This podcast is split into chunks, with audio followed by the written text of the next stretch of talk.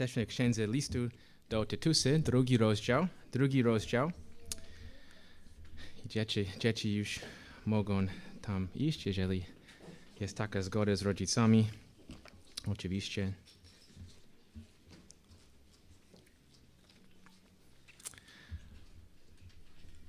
Pomódlmy się jeszcze raz. Panie, dziękujemy za ten dzień i dziękuję za Twoje słowo. Dziękuję, że to jest dla nas dzisiaj. Dziękuję, że tak nam dałeś. Chcielibyśmy to zrozumieć i chcielibyśmy to zastosować i prosimy o pomoc w tym, bo rozumiemy, że nie damy rady tak zrobić bez Ciebie i bez, um, bez działalności Ducha Świętego. Daj nam możliwości tak dzisiaj zrobić w imieniu Jezusa. Amen. Pamiętamy, że apostoł Paweł pisze do swojego ucznia, do Tytusa, który służył na wyspie Krecie. W dzisiejszych czasach wyspa Kreta jest miejscem na wakacje, ale Tytus nie był tam na wakacjach, raczej tam pracował jako misjonarz, aby pomagać tamtejszym kościołom właściwie działać dla Pana. I była to dla Tytusa łatwa sprawa. Na wyspie były, fa byli, byli fałszywe nauczania i prawdopodobnie te fałszywe nauczycieli udawali silnych e, chrześcijan, starając się wypłynąć na kościoły. Kretenczycy w tym czasie mieli kiepski charakter. Tytus był teraz sam, ponieważ tam musiał iść gdzie indziej. Być może niektórzy mówiliby, że to jest po prostu za trudne.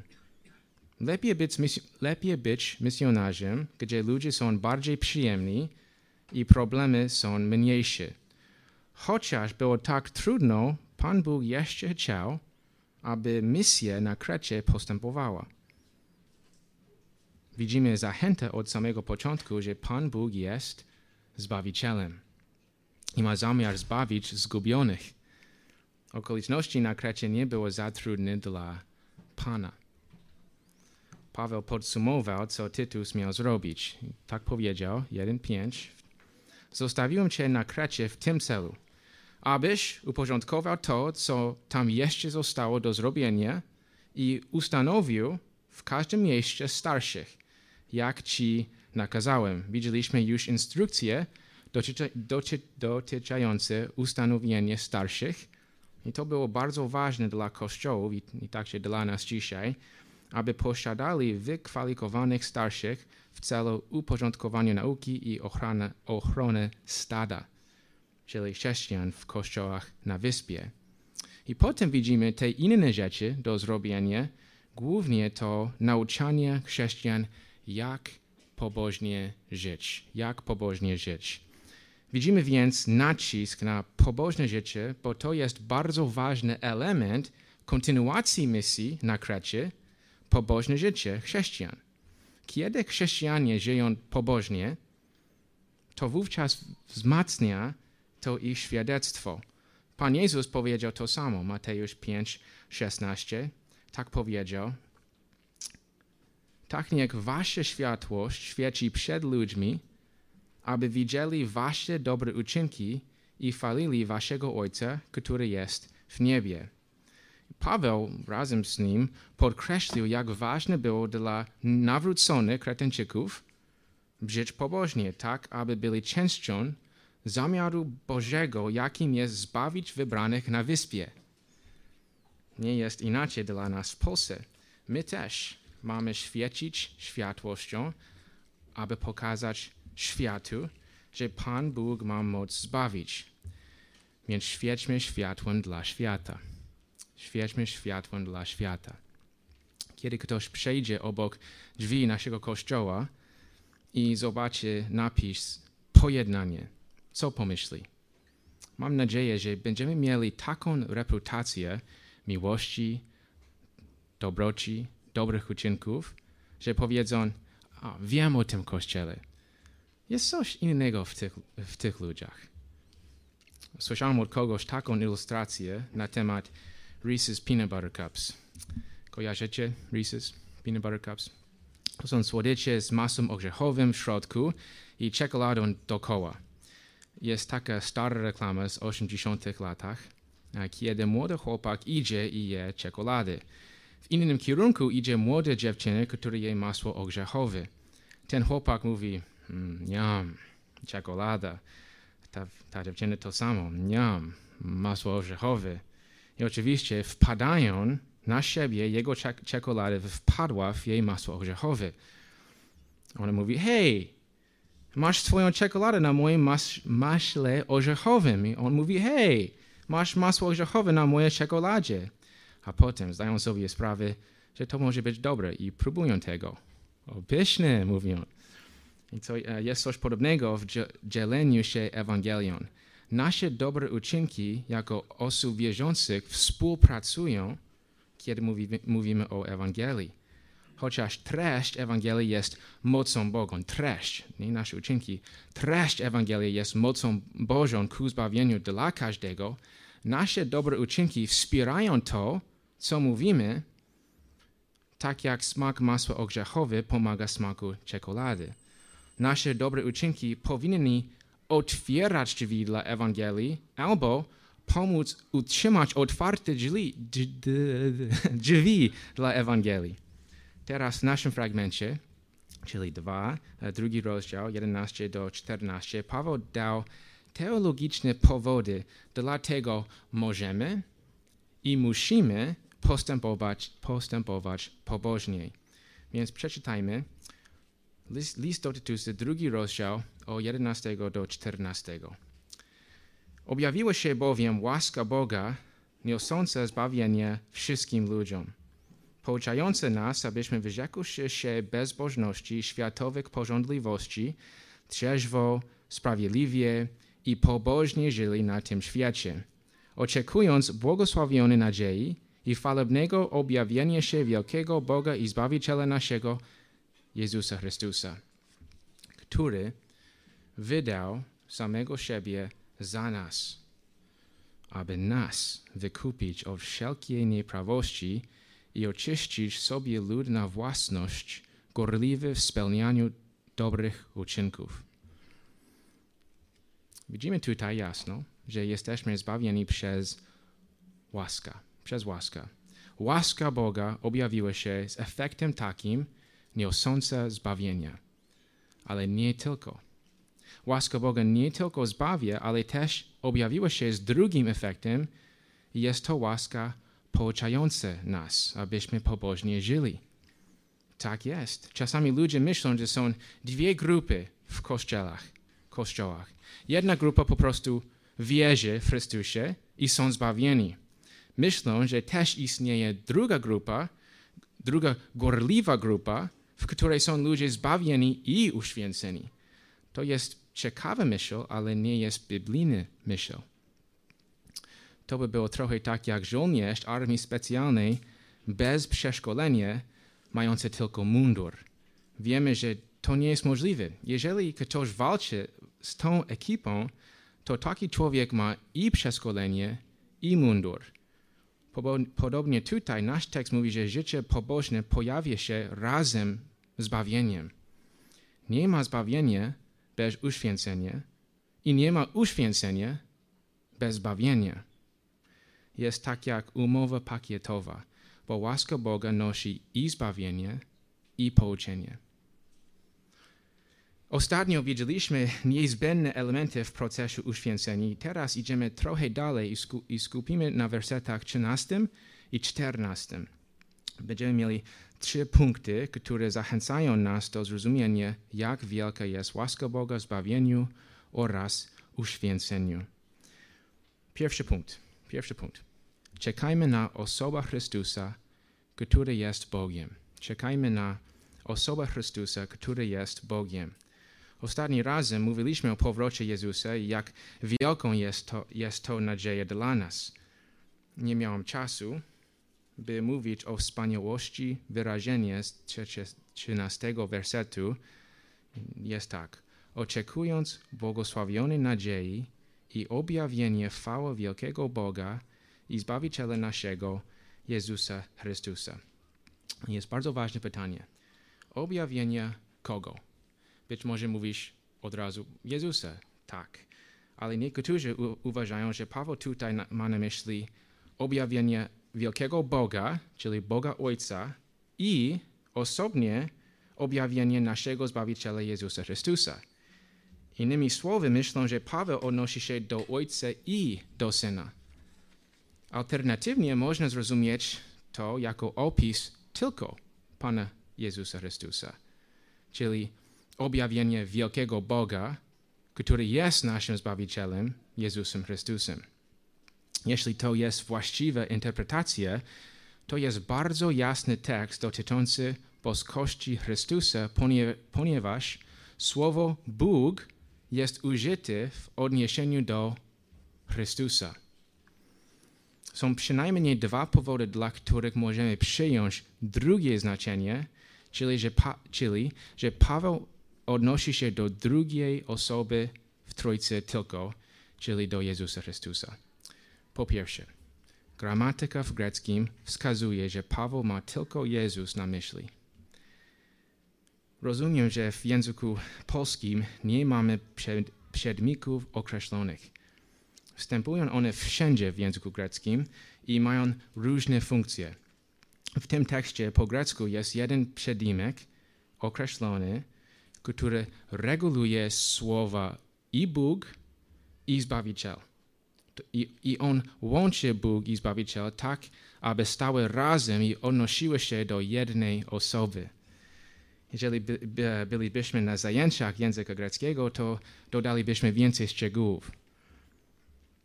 Ale to jest główna myśl, jeżeli chodzi o gramatykę. Jeśli to trochę zbyt skomplikowane, rozumiem, to jest trochę skomplikowane, powiem tylko tyle.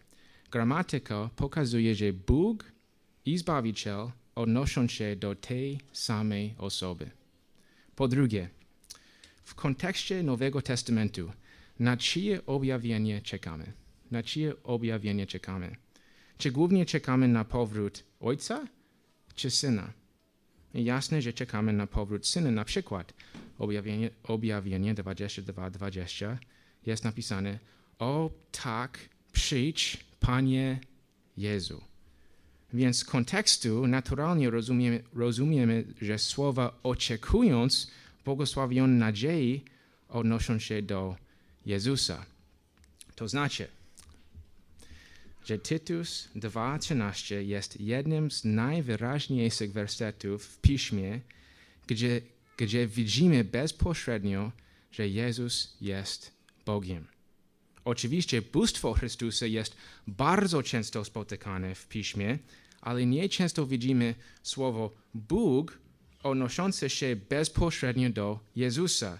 Często Bóg w Piśmie odnosi się do Ojca, ale są wyjątki i to jest jeden z nich.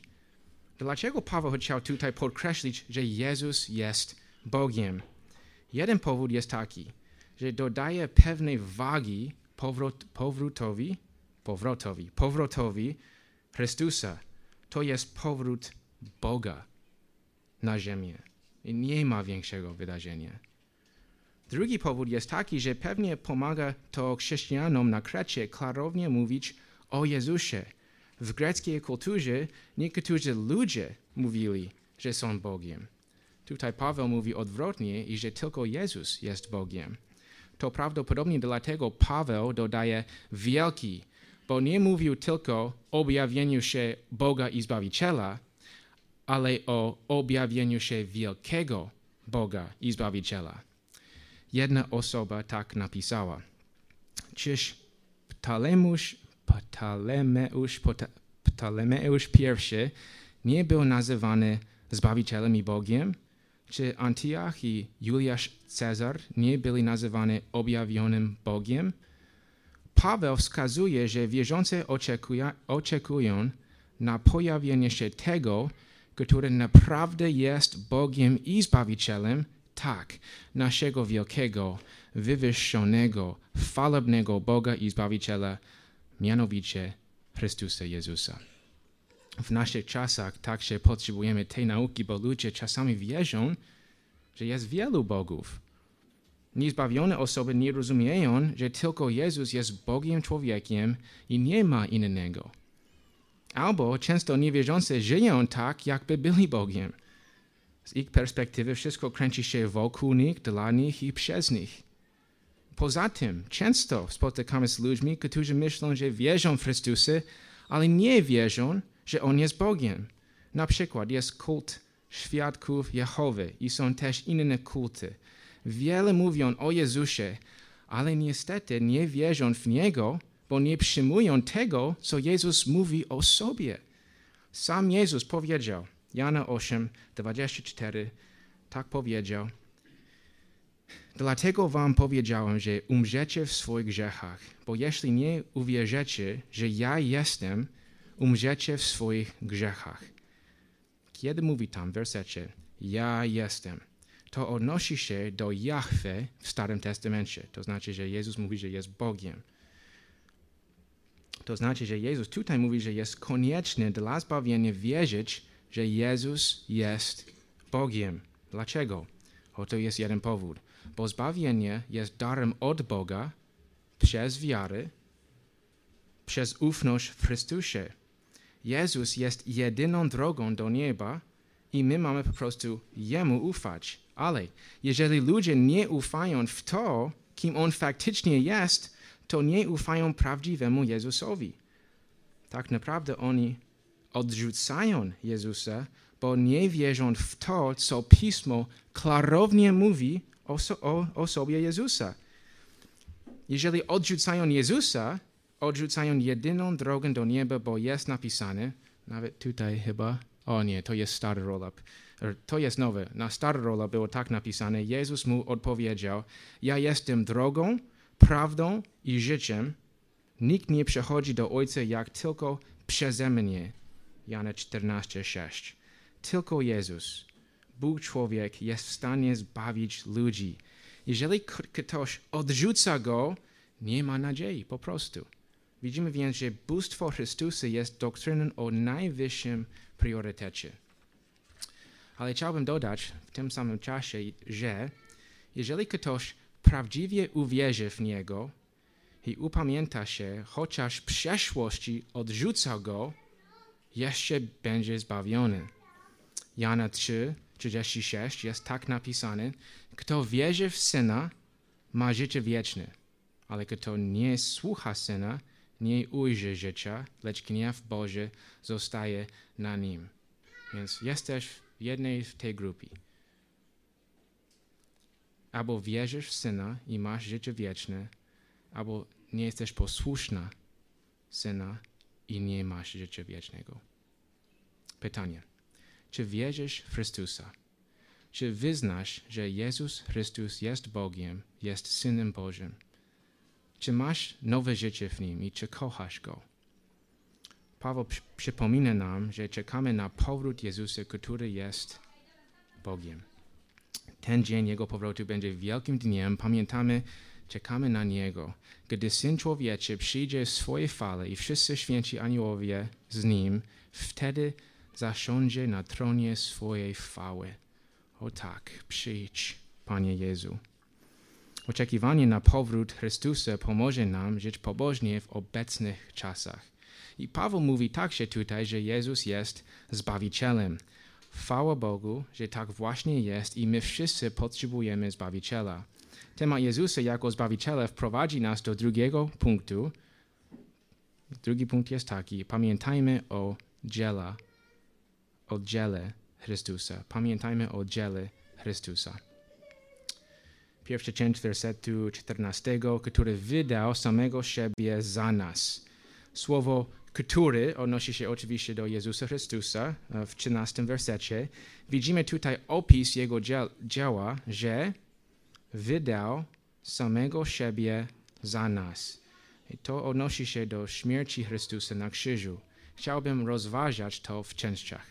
Po pierwsze, Jego wydawanie z siebie samego, czyli Jego śmierć, było dobro, dobrowolne. Jezus, słowo Jezus, imię Jezus, osoba Jezus jest podmiotem czasownika, co podkreśla, że sam oddał swoje życie. Jezus także, także powiedział w Jana 10, 11, ja jestem dobrym pasterzem. Dobry pasterz oddaje swoje życie za obcy. Widzimy dobrowolne oddawanie swego, swego życia podczas aresztu Jezusa, kiedy Jezus został aresztowany, nie chciał ujść. Raczej pozwolił na swój areszt, bo był zdeterminowany wykonać wolę Ojca i oddać swoje życie. Jana 18, 4. Wtedy Jezus, wiedząc o wszystkim, co miało na Niego przyjść, czyli Jego śmierć, wyszedł im. Wyszedł im naprzeciw i zapytał, kogo szukacie? I przez to dał Jego życie na areszt. Widzimy uh, też jego dobrowolne oddawanie życia podczas jego nielegalnego procesu. Nie próbował się bronić podczas pro procesu. Raczej widzimy, Mateusz 27, 12 do 14, a gdy oskarżali go, naczelni i kapła, kapłani i starsi nic nie odpowiedział. Wtedy Piłat zapytał go, nie słyszysz, jak wiele zeznają przeciwko tobie? lecz mu nie odpowiedział na żadne słowo. Także namiestnik bardzo się dziwił. Jezus dobrowolnie oddał swoje życie. I po drugie widzimy, że śmierć Jezusa podkryła cały koszt. Podkryła cały koszt. Cena była nie, nie mniejsza niż on sam, bo wydał samego siebie. 1 Piotrze 1, 18 i 19, wiedząc, że nie tym, co zniszczalne srebrem lub złotem zostaliście wykupieni z waszego marnego postępowania przekazanego przez ojców, lecz drogą krwią Chrystusa jako baranka niewinnego i nieskalanego. Jezus umarł, a potem powstał z martwych, a to znaczy, że Jego ofiara została zaakceptowana przez Ojca bo jego śmierć pokryła cały koszt dla tych, którzy do niego poszli lub pójdą. Rzymian 4, 25, który został wydany za nasze grzechy i wstał z martwych dla naszego usprawiedliwienia. Po trzecie, śmierć Jezusa była zastępcza, bo dokonała się za nas. Jezus był, jest doskonały nie, zas nie zasłużył na śmierć, tak jak reszta ludzkości, ale On umarł w nasze miejsce na krzyżu jako doskonała ofiara. Wyraźnie widzimy tej prawdy w księdze Izajasza 53, werset 6. Wszyscy, jak owcy, zbłądziliśmy. Każdy z nas boczył na swą, na swą drogę, a Pan włożył na niego nieprawość nas wszystkich. On wziął winę naszego, e, naszego grzechu na swoje barki za nas. Jezus cierpiał gniew Boży w naszym miejscu na krzyżu. Ten gniew byłby nade mną na zawsze w piekle, jeśli Jezus nie przyjąłby mojego grzechu. 1 Jana 2:2 i On jest przebłaganiem za nasze grzechy i nie tylko za nasze, lecz także za grzechy całego świata. To znaczy, że Jezus zaspokoił gniew Boży przez Jego śmierć i dla tych, którzy przychodzą do Niego w upamiętaniu. 2 Koryntian 5:21 On bowiem tego, który nie znał grzechu, za nas grzechem uczynił, abyśmy w Nim stali się sprawiedliwością Bożą. Tutaj widzimy, że Jezus wziął, wziął nasz grzech i my otrzymamy Jego sprawiedliwość, bo żył doskonałym życiem. Nie byłoby sprawiedliwe dla Boga po prostu przebaczyć grzesznikowi, gdyż On jest sprawiedliwy. Prawda? Jeżeli On jest sprawiedliwy, Pan Bóg nie może po prostu powiedzieć, a nie ma sprawy, przebaczcie. To nie, bo to byłoby przeciwko Jego sprawiedliwości. Ale skoro, że On jest sprawiedliwy, to musiał być zastępca dla nas. On wziął karę na swoje barki, na nasze miejsce, bo Pan Bóg jest sprawiedliwy i usprawiedliwiającym tego, kto robi coś dobrego dla Jezusa? Nie. Wierzy w Jezusa. Wierzy. Zbawienie jest przez wiarę, bo Jezus zapłacił cały koszt dla nas. Jedyny sposób dla ludzi, by pojednać się z Bogiem, ma miejsce przez życie zastępcza śmierć i zmartwychwstanie Jezusa Chrystusa. Pytanie. Czy uwierzyłeś w zastępczą śmierć Chrystusa, jak również zmartwychwstanie Chrystusa? Ale dlaczego Pan Jezus dobrowolnie oddał swoje życie za nas? Chociaż możemy zobaczyć różne odpowiedzi w piśmie, tutaj widzimy dwa powody, dlaczego Jezus umarł. To prowadzi do trzeciego punktu. Rozumiemy cele Chrystusa w zbawieniu. Trzeci punkt. Rozumiemy cele Chrystusa w zbawieniu. Druga część wersetu 14 brzmi tak. Aby nas wykupić od wszelkiej nieprawości i oczyścić sobie lud na własność, gorliwe w spełnianiu dobrych uczynków. Paweł podaje tutaj dwa cele. Pierwszy to tak, aby nas wykupić od wszelkiej nieprawości. Śmierć Jezusa stanowiła cenne odkupienie za nas, którzy żyliśmy w nieprawości. Życie w nieprawości opisuje nasze życie przed zbawieniem. Nie mieliśmy miłości do Boga i pokazaliśmy to przez nasze nieustanne nieposłuszeństwo. To jest życie w taki sposób, jakby Bóg nie dał nam swojego prawa. Jeden z efektów śmierci i zmartwychwstania Jezusa jest wykupienie nas od nieprawości. To znaczy przebaczenie grzechów, ale nie tylko. Tak naprawdę główna myśl tutaj jest wykupienie człowieka spod panowania grzechu. Podkreślę, że już mamy nowe serce, nowe pragnienie, nowe nastawienie po, dostęp, po dostępnieniu zbawienia i chcemy już żyć dla Pana, bo Go kochamy po prostu, bo Go kochamy. W historii amerykańskiej miało miejsce bardzo smutne wydarzenie, a mianowicie wojna domowa trwało przez 4 lata, zaczynając od roku 1861. Jednym z konfliktów między Stanami była sprawa niewolnictwa. Abraham Lincoln był prezydentem w tym czasie i próbował wzmacniać wojsko przez The Emancipation Proclamation, czyli proklamacja emancypacyjna.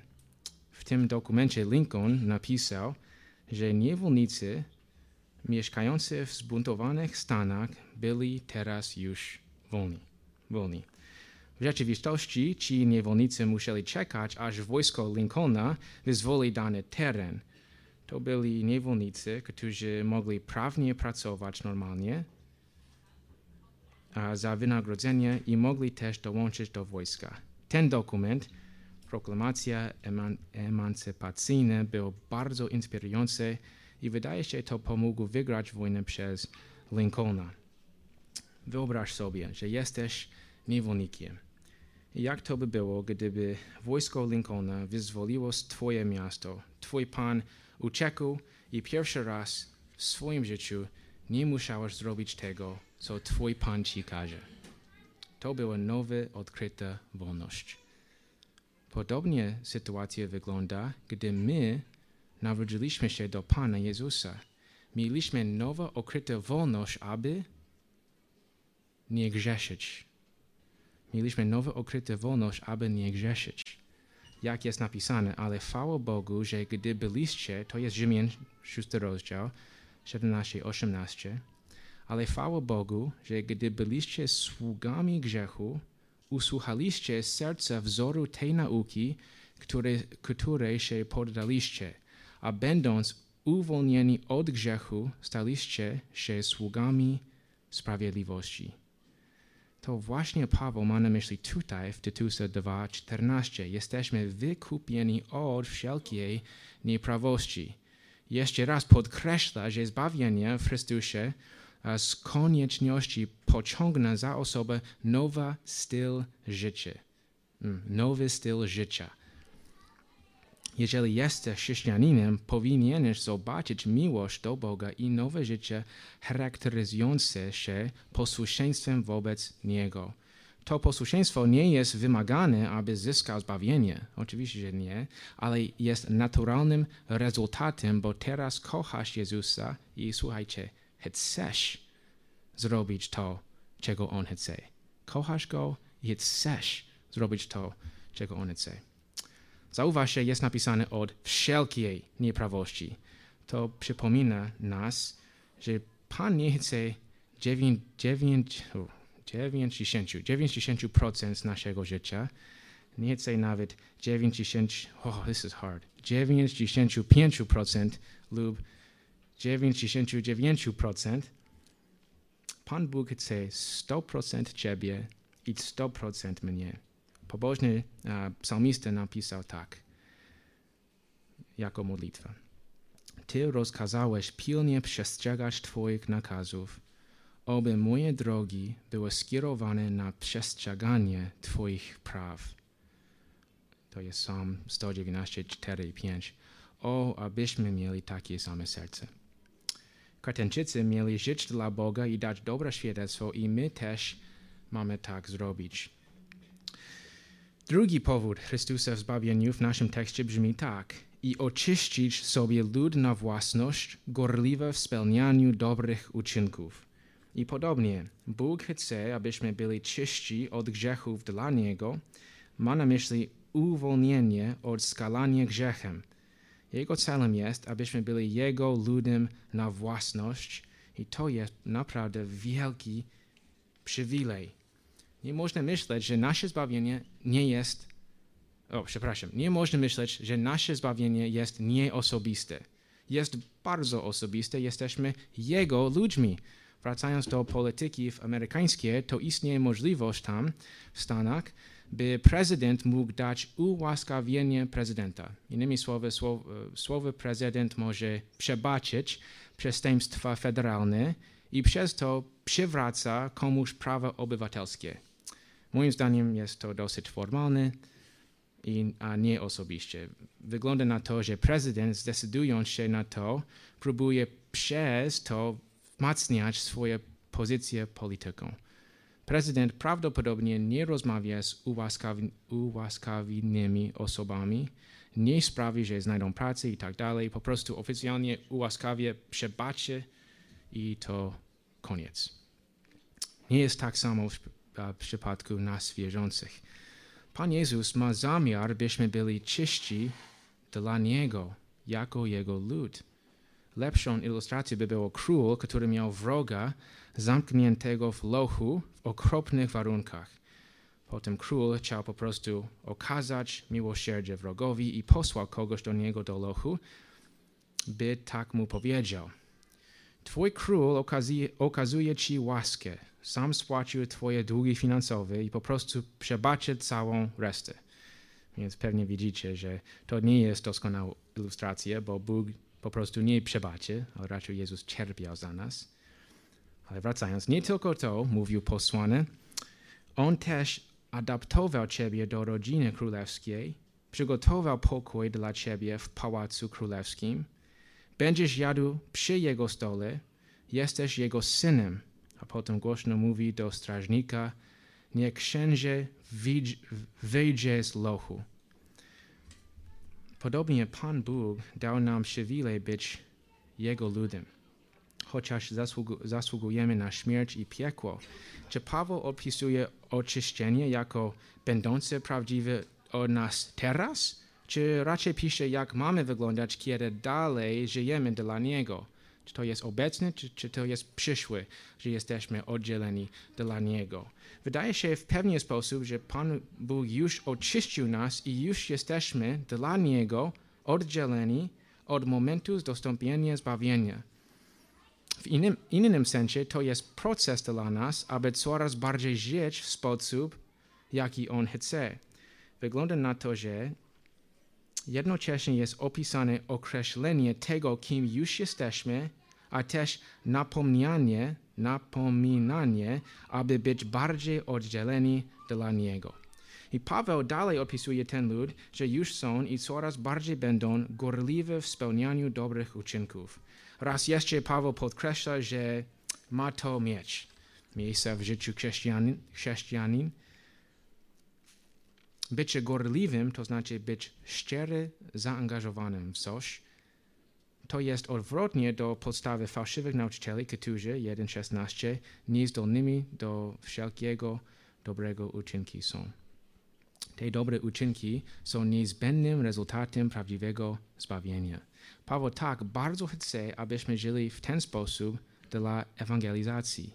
Czy widzisz w Twoim życiu, że wypełniasz dobre uczynki? Jeżeli nie, to zapytaj sobie, czy Bóg mnie zbawił? Czy Bóg mnie zbawił? Czy znam Go? Czy kocham Go? Może jesteś młody, myślisz, wiesz co, ja jeszcze mam, nie wiem, 50 lat czy coś i będę upamiętać się później. Um, bardzo znany autor J.C. Ryle napisał to, niestety po angielsku, ale próbuję. I powiedział, że planujesz na późne upa upamiętanie. Powiedział, planujesz bez Boga. On powiedział, tak, jeden złodzieje na krzyżu upamiętał się. Help me. That no man might despair. Jak to było po polsku? That no man might despair. That no man might despair. Żeby nikt nie został w rozpaczy. Ale powiedział tylko jeden, so that no man might presume. Aby nikt nie może presume. Jak to było pres- presume? Założyć, tak? Więc jeżeli planujesz na, na późne upamiętanie, planujesz bez Boga, bo Pan Bóg mówi, że dzisiaj jest dzień zbawienia. Więc jeżeli jesteś młody, to nie zaczekaj, po prostu przyjdź do Jezusa teraz, dzisiaj, te, tutaj. Bo może nie jesteś młody, może jesteś już stary, jak najbardziej, tak? Bo nie wiesz, ile dni masz na, na tej ziemi. Jak jest śmierci, to jest już, już za późno. I musicie upamiętać się przed tym, bo będzie za późno.